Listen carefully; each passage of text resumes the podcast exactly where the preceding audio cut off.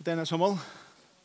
Min vogn i predikan har vært sånn at han er at vi får egen jo fyre at sjalt om alt som vi har er godt og nøyot, så fyrir det ikke svære eh, okkara djupast og spurningun til vi lever under solen og vi finna bæra svære til djupst og løvsens spurningar handan solen og til en forhold til vi god i okkara løyve.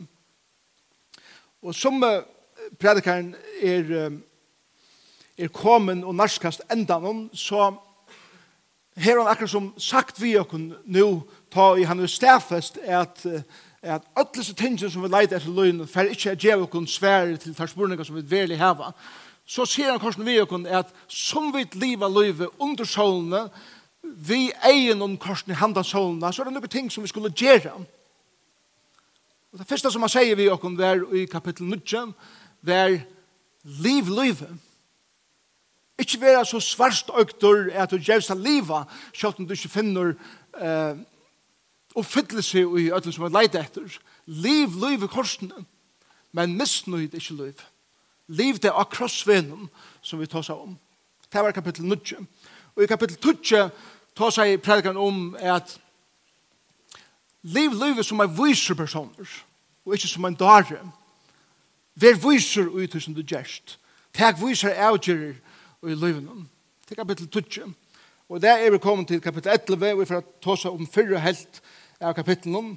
Og i det er det som predikan sier vi okkur, gjer gåar uiløver uiløver. Det som han faktisk sier er til Vær gavemildur og ikkje ein gramsare.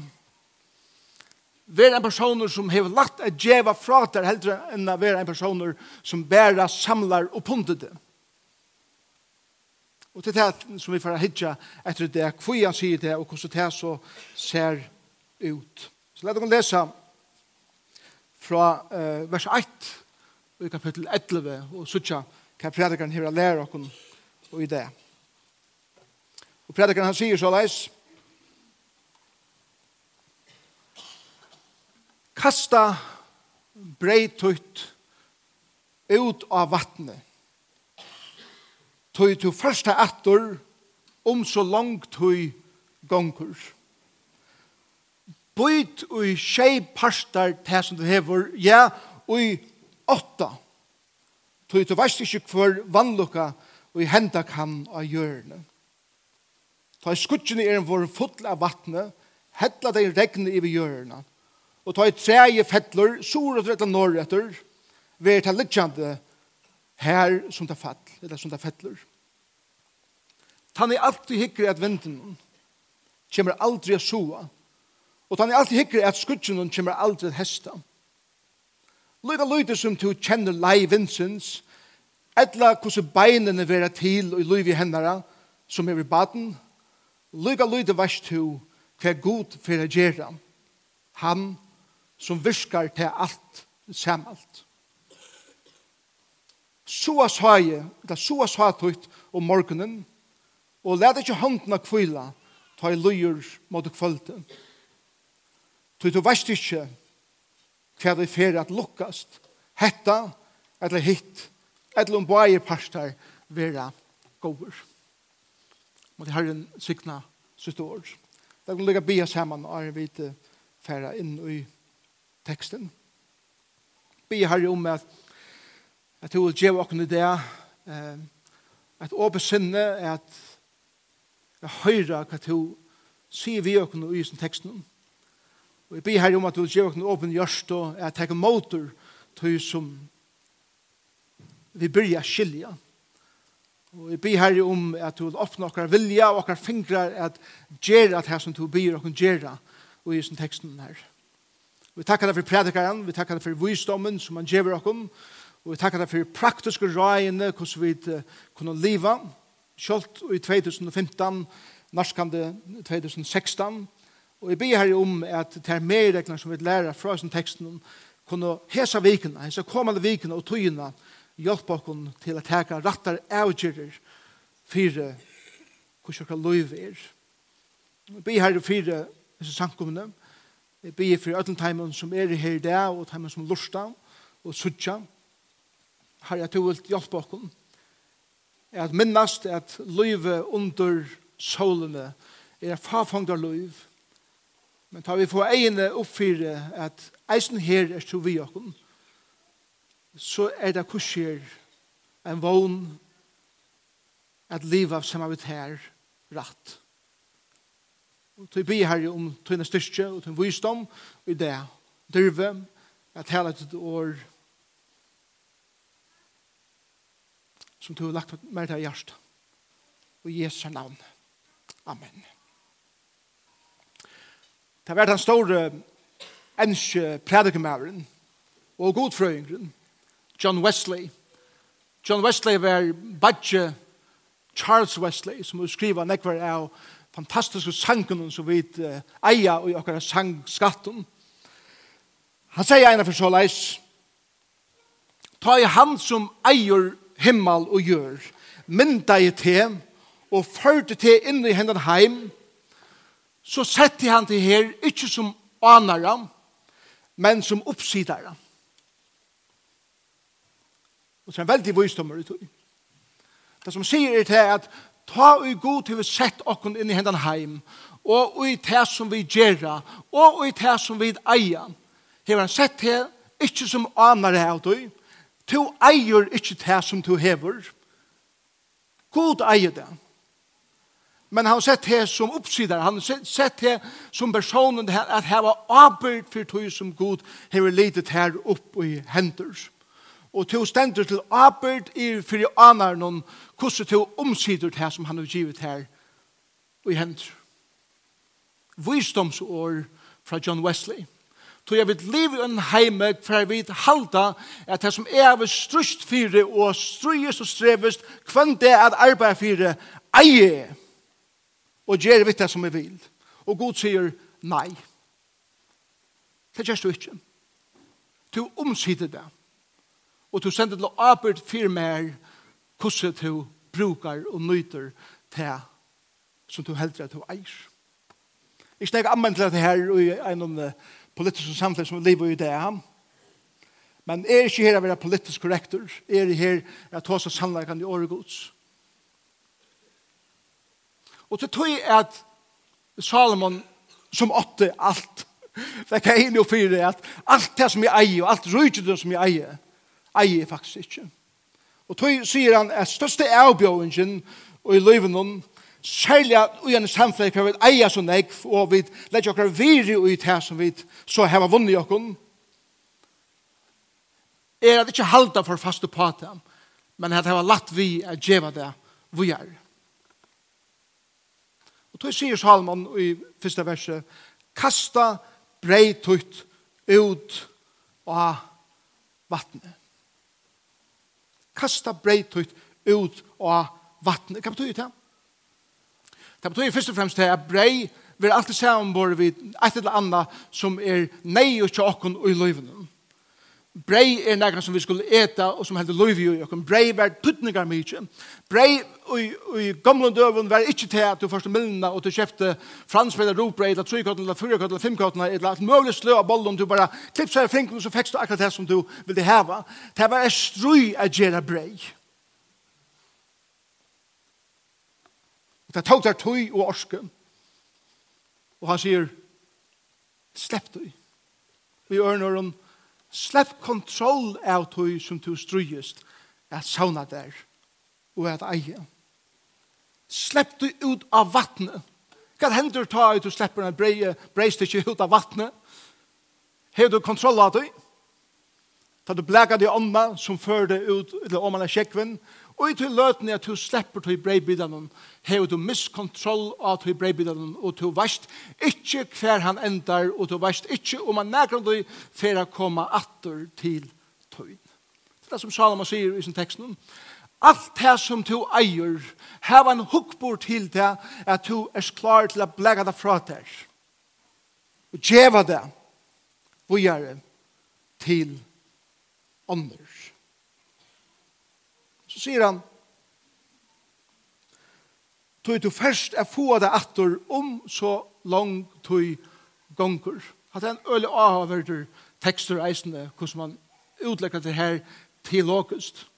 Så, så kunne vi sige, ok, grunnen til fyrir, det ble ikke her vekk, er tog jeg så for jeg helst få og smair atter. Så er motivet beina vi skreft eisende.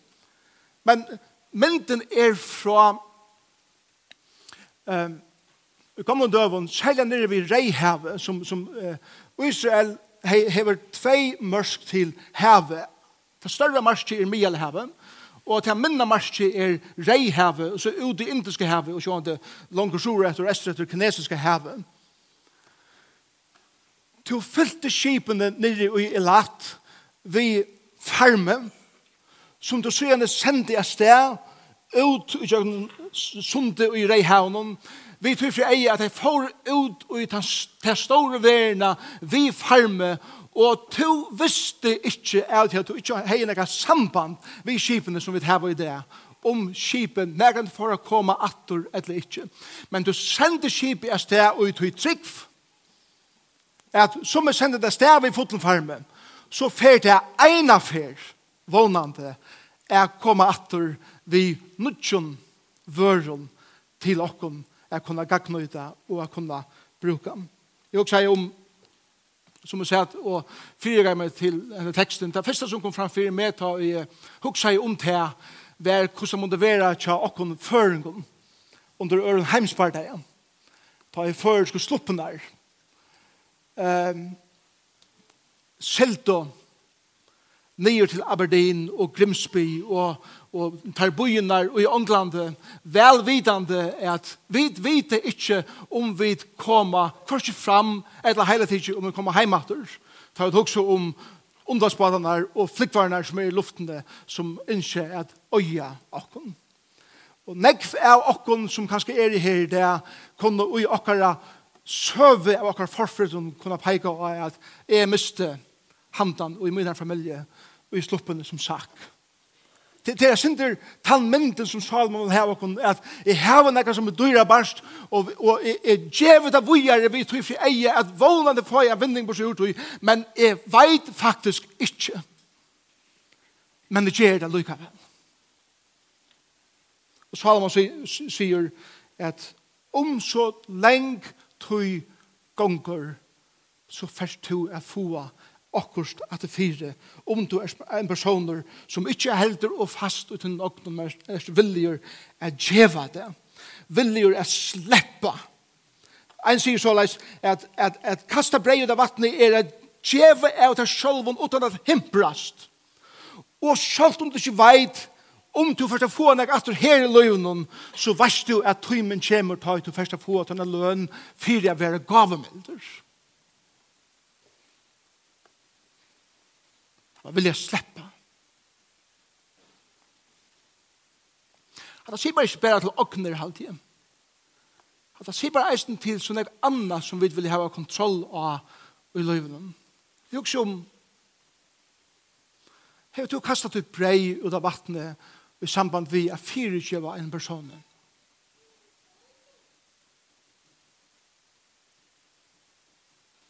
Hei, du sleppt barskleikanen he, hever du sleppt tog som du vil ha kontroll av ivra nøren person.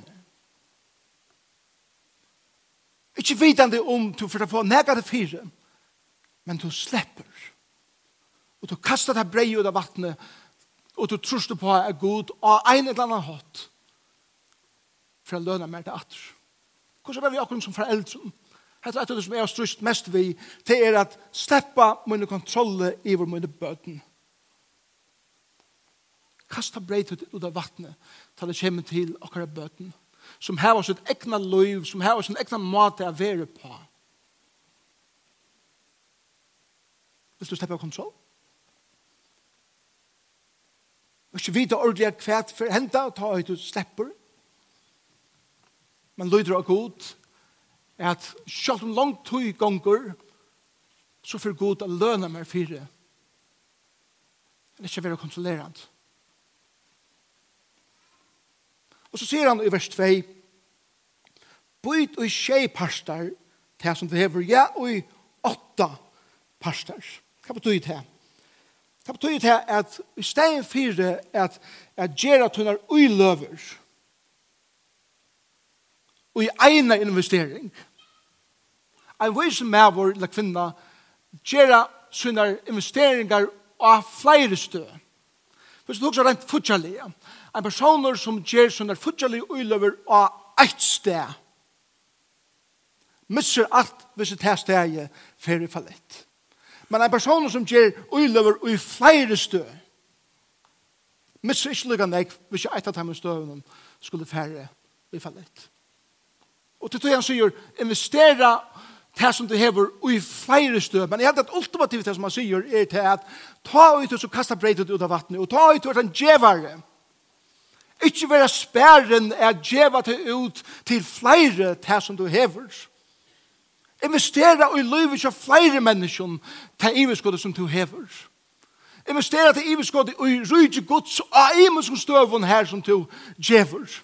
Hvis du gonger i luftene og du djever til luftene, så sier Salomon, ikke bare djeva til luftene og i gods rydde. Vi vet til å gjøre av imensk støvun, for to hever hjärsta for to som imensk folk rundt heimen gjøre og i Guds rydtje. Så det så investerer ikke bare her, men du investerer eisene her ute i angstnævner. Hver Guds folk er til verska, er bytja Guds rydtje. Jeg mener sier, som pastor borde sagt, til må ikke gjøre alt her beint. Og så skulle vi ikke omsette det å få det ut i sender.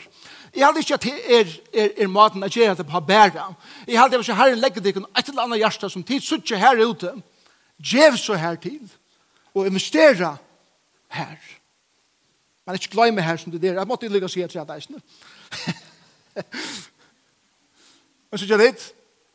Salomon er ikke interessert av å jeg nå må du gjøre alt på ene sted som det gjør mer godt. Men gjør det ut det som du eier, og djeve til flere. Jeg, jeg, jeg, jeg, jeg, uh, jeg får at utfordre til det. Og spør jeg det spørningen. Er du en som blekar breie ut av vattnet hele tiden? Djeve du? Investerer du i det som du sørst hever et evet vire? Gjør det bare i en sted. Salomon sier, vær en person som bryr å djeva og investere i flere stø, og i mennesker som du sørst, er vi i Guds verste, og av imes og støven, så så du er en pastor av tog. Så sier Salomon i, i disse versene, til at du veist ikke hvor vannlokka kan hente i hjørnet. Og det, det er simpelthen at du, du veist ikke at hvis du investerer alle dine penger og alle dine ogn og alle dine orske og i ett ting og en vann nokka rega det så har du ikke anna så du har investeret ditt liv i. Og du har ikke folk rundt om det som kunne komme til her til hjelper til du ikke har investeret i deg. Ta to har bruk for hjelp. Ordøkene sier så leis, ordøkene nøyjans heitjan, tan vi miskun gjer mot henne fataka, læner herranom, og herren skal løne hon til gåa, og i han gjer. Salma sier, Løyve snur seg ikke om at kratta tilsyn og kratta under seg. Livet snur seg om å være en som investerer i ånder. En høvende sier det så vel, til nekv som penger kan kjeipa, men til enda mer som penger ikke kan kjeipa. Penger kunne kjeipa det ene sång, men ikke svøvn. Penger kunne kjeipa det bøker, men ikke visdom. Penger kunne kjeipa det mat, men ikke metalist. Penger kunne kjeipa det flott prye, men ikkje vekerleika. Pengar kunne kjeipa der hus, men ikkje heim. Pengar kunne utvida der heilvå, men ikkje helsebåt. Pengar kunne utvida der stuttleika, men ikkje salarfri. Pengar kunne gjeva der luksus, men ikkje nøgtsem. Pengar kunne gjeva der underhalt, men ikkje glede. Pengar kan så kjeipa en kross. Eta vi pengar kan så kjeipa en kross. Men ikkje en frelsare. Og hette er galdande for okkom, det sørste som han sier, pengar kunne kjeipa der en sankumabikning, men ikkje et samfella til et tryggvand. Og så kom vi til vers 3, og predikaren spyr, ja, men hvor skulle vi kasta okra brei ut av vattnet? Og hvor skulle vi investera i negv som er rundt om åkken i akkurat løyve? Les vers 7 mer. Ta i skudgjene er våre fotl av vattnet. Hettla til regn i vi hjørna. Og ta i treje fettler, sura til norretter. Vi er litt her som til fettler. Det som predikeren sier og i versen her er hettar, er at alt det som vi får eier vi i fleste før unge er i at det kommer til dere. Til tilfanget som er givet her fra skaperen. Han bruker myndene av skutjen som er full i regnet, fyllt til to deg, spyr predikeren. Gjør det to at regnet, eller skutjene fyltes ved regnet, og som øste, så vætna i hjørna, så at grøyen kunne vekse opp, så at vi kunne utnytta og ut innan nære ur vattenorskene som vi så samla saman, Åtte til negran leiklo du tog. Kan du svære? Nei. Så det som du så hever og gagnøyder er ikke nekka som du hever vunnet her sjolven til givet her av skabaren. Han investerer jo i det. Og så sier han, og treje som fettler. Sura til norretur. Det var litt kjent her til tøyen er at bruka. Hadde han nok stått litt mynd. Hadde det er en mynd fra uh, um, en, en er ikke nye skriver i lov i Israel er kommet døven. Og det var hentan. Det var så var tvær bønder. Og marsje i middelen bøndene var en av som sted og gjør en skov. Og så var det så at vi sett tre fattel. Og det tre er datt antil norretter eller surretter. Hvis en pastor av tog trennen som datt kom inn og marsje til henne bøndene, så øtt åtte tannbønden til Petja Tjene som datt innom hans her marsk. Hva kunne jeg bruke treet til?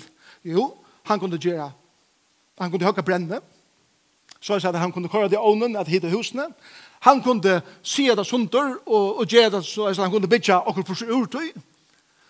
Vi ørn åren bønden som kjølt om treet stod av marsjonen, eller innenfor marsjonen, så visste der at ta ut det fettler, er det god som fettler det, og det er til han som fer, til treje til han har bruket. Vi ørner ta det tilfondje som er givet her og mer oppi hender er til okken å bruke, og det er givet her av gode. Halt du ikke og fast i det som om at det er tukt. Det er det som vi elsker vi skaparen. Skaparen skapte bort ur ånken. Han sier, Vær og det vær. Alt tilfange som vi heva under solene er skapt vi åregods. Han sier vær og det vær. Vær tre og tre vær. Vær luft og luft vær. Vær, vær, vær og det vær. Og så sier han ved skapningen, to skapninger. Skap to neka borsi ur tui som er heve skapt. Du er ikke før for å skapa bursur ångon, men du er før for å skapa nega nytt bursur ur tilfangene som jeg har givet til å skapa vi. Så vi er skapande folk. Og vi er gagn ut av tilfangene som skaparen har givet åkken, men vi må ångande gløyma at vi ikke er før for å skapa bursur ur ångon. Det som vi skapar bursur ur er alltid givet okkom av honom som eier det. Så får han ta seg til han er bøtjen av folk som sier, vers 4, han er alltid hikker at vinden hon kommer aldri at sova, og han er alltid hikker at skutjen hon kommer aldri at hesta. Her, her tar seg han til deg, som er så værende i løven hon, at, at Det hikker at skutjen hon, at det er mynda bøndan hon, og han fyrir ut, og han hikker at skutjen hon, og han sier, Lorsta vever det. Nei, Jeg hadde at jeg, jeg sa ikke det. Uten at nesten det høyeste det bo i førjen. Nei, nei, jeg får innlater det. Det De ånka det ved nega soa. er ånka det ved nega at hesta. Hver hendur hvis vi blir et folk som ångan det gjør nega til nytte, som ångan det er det alltid hyggelig at omstøvn, nei, omstøvn er ikke bare en tid nå, jeg har det, jeg føler meg bare en såres nå, nei, jeg føler ikke orske, jeg føler ikke det til, at jeg skal gjøre nega som helst.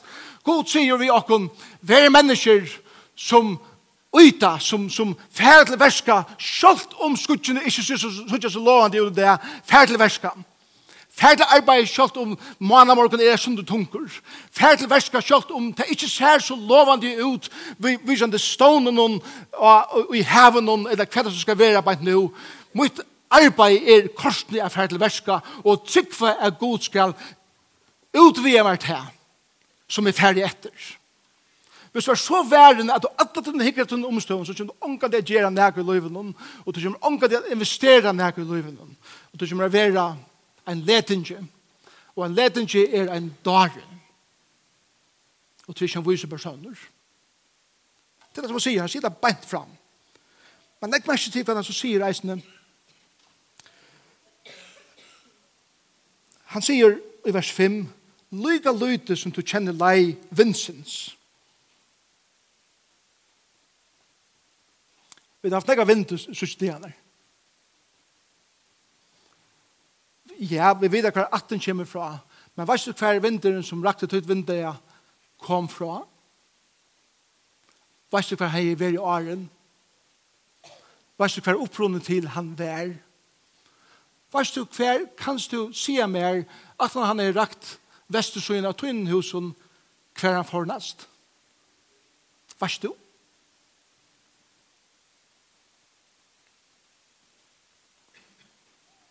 Og så sier han,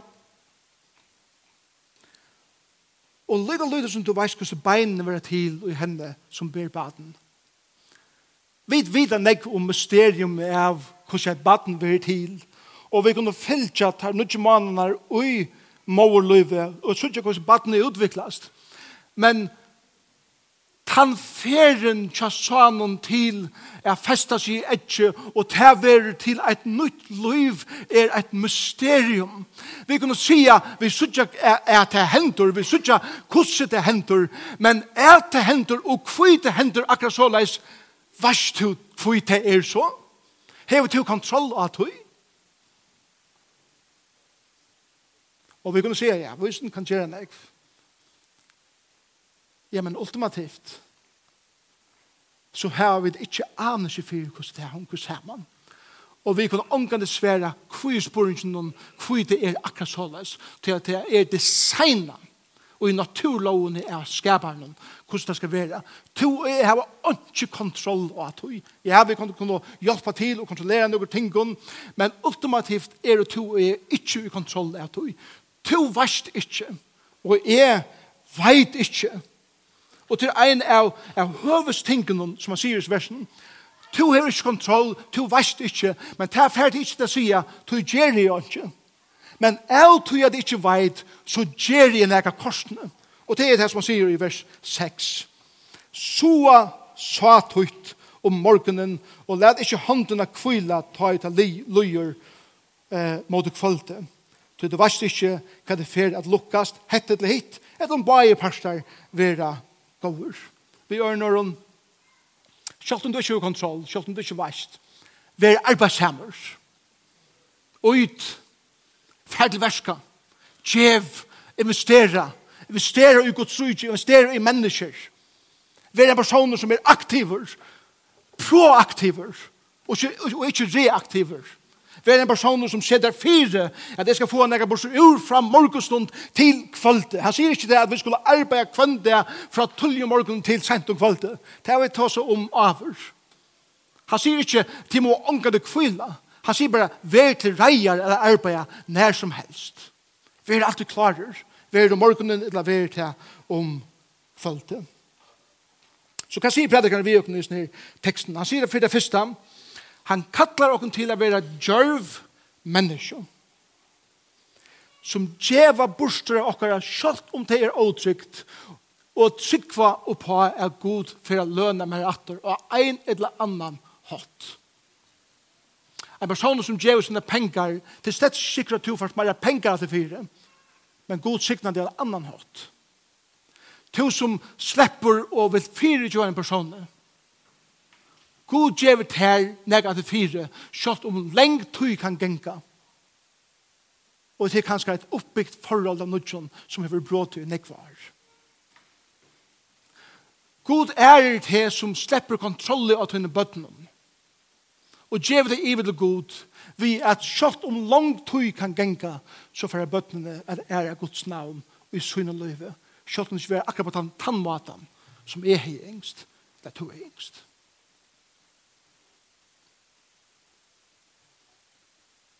Og så sier prædikeren vi okkon, han kallar okkon til at vi kjenner at okkon vantar makt og styrke og kontroll at avurska og brøyta løyvi under solene. To hever ikke styrkjena. Løyt tui og god at han hever. Og han kallar okkon kreativt og aktivt at bruka til tilfange som giv i okkon og i tui som vi liva ui i det så sier du kanskje, ja, men, jeg har jo ikke brei, jeg kaster ut av vattnet. Til John Wesley, han sier så leis, beste oppsideren, han vinner så nek som han kan, han spærer så nek som møvlet, og så gjør han alt. Og to sier kanskje, men jeg har ikke nek å gjøre, Jeg har ikke nek brei, jeg kaster ut av vattnet. Søvann som er og bo på Rønde jeg forteller, sørste sunde er en søvann som bor vi at være i min høtte, og det er en smadrangren som kom til Jesus ved synebrei. Fem lydel brei, og tvær fiskar, en greip av fisk, fiske. Vært hen ek til 15.000 folk? Nei. Men han kastet sitt brei ut av vattnet i handen dagen. Nei Han visste ikke hva for å hente vi sånne medpakka. Han visste ikke gong om han for bli mettur til en gav han borster. Men han opplevde at ta og han er giv god til sin, Jesus sin medpakka, og han trakka i atter, og han observerer hva hendte, så fikk han suttja et under som han ånga det jeg over, og det var til at god tog til lytta tilfanget som han heie, som mamma hans er i innom, og han gav det i gods hender, og Og lærersvannar kom og fóru, og kom og fóru, og kom og fóru, og det var meir enn nok til öll, og öll voru mett tann dagen. Ikke fantastisk? Det er lutta tilfannsum som her dronken gav til god, og det stender ut i teksten at tølv kurvar av breie og fiske lobe av tann dagen. Det var tølv lærersvannar, jeg var som det var en par, parst lær for men jeg råkner vi at tanndrongen kom heim tandegjen ved en større medpakke heim enn han får stav i fra mamma søye. Og han kom, han genga det heim, mamma, hva er det jeg finner Og, mamma spyr, hva er det for nega? Jo, det er medpakke som du gammer, medpakke som du gammer. Ja, men det er løytlein, ja, men Jesus kjør det han stor han tui at sjalt om leng tui skal genka tær som du djever for han er djeva til atter og ein et eller annan hatt og i løyvene til han skal lyfte til tui Tu veist ikke hva det er men ta det kommer fra gode så er det bare godt Ikke alt det som du er håpa, eller råkna vi, eller som møter du en tørrum beint nu, men det stiller du en avgjøtørver, og djup og tørver, i livet Og hesten dronkeren trygg vi er. Kom ikke bare heim vi en større medpakka, men han får sted og levde sitt liv vi en spilt og nudgen hjerte åpenbering av for Jesus vær. Til han sa hva Jesus kunne gjøre vi en han lytte. Så kære viner, kære bror, kære, kære syster. Hvis du sier at du ikke er brei her og kastet av vattnet, Takk så til minst det som du hever, og til som du heldig kan skal være lyte, og gjev til til herren. Og investera til i Guds rydtje, og sutt hva Jesus for å gjøre vi til. For jeg sier til ham, til at jeg trykker at ultimativt skaparen tog eisende sutt brei og kastet det ut av vattnet, til han sendte sin son nye til gjerre. Hans er dyra bærasta, hans er soner. Det er det breie som han kastar ut. God sjálfur gjørdes menneska og bleiv ein okkara. Ta var det vi tog fri eia at breie skulle venda atturs. Meg rykare enn til for. Vi menneskjon som er fortapt. Kom at kjenne Jesus Kristus som sin frelsere Jeg fører deg inn i himmelen, her som god er. Det gjør du god. Og tar vi kast okkar brei ut av vattnet, gjør vi som god gjør det. Og det er mye kall til tøyne her i det, det er kanskje det største som du kan gjøre bare nå av tøyne brei er å si God, jeg har vilje hilde mot liv for meg selv. Jeg har vilje givet det til tøyne. Jeg kaster mitt liv til tøyn. Mitt liv er mitt brei. Og du djever det i Guds hender. Du djever ditt liv til Jesus. Du ber han komme inn av vera til en frelsare og til en herre og til en viner i liven. Og lønnen som du fast er evigt liv. Lønnen som du fast er boost til hele andans og ut her. Lønne som to fast er at liva liv under solene vi ljøsen inn i handans skudgjende. Jeg synes ikke er god til å atlan vi tøyne liv. Til det største du kan skjere ved det her. Og kære bror og kære syster som kjenner Jesus, måtte vi være et folk som ikke gramsa og bare fytla og pundra okken, men at vi gjør gode og uløver at investera i Guds rike, at investera i det som vi vet er et evet virre, av ötlund hui som vi eier, og ötlund hui tilfangene som god til vi giv i oss at omsida. Til jeg og to eier ikkje det som jeg halde at jeg eier, er bare ein oppsidare, og ein der skal jeg standa til arbeid og til svars for han som spyr med hvordan jeg vil omsida det som han gav mer og hender, og hvordan jeg vil investera det som han gav mer og tær vi henter. Slå bia sammen. Jesus, takk for det at predikaren er i året praktiskur, byr okkur gjerne okkur konkret ting,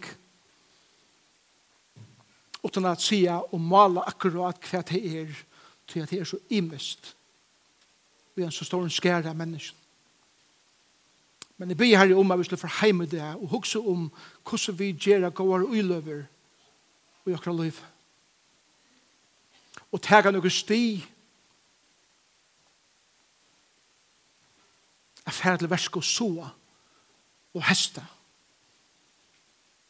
og sutja hva til skaper på seg urtøy herre. Gjev okkur trygg, tog jeg vi vite ikkje, som teksten sier, vi vite ikkje hvordan det verer. Men vi kjenner han som veit. Og du kastar av okon tøyner hender. Og takk deg fyrir, det. Møvleggene være sammen i det. Og i Jesu navn. Amen.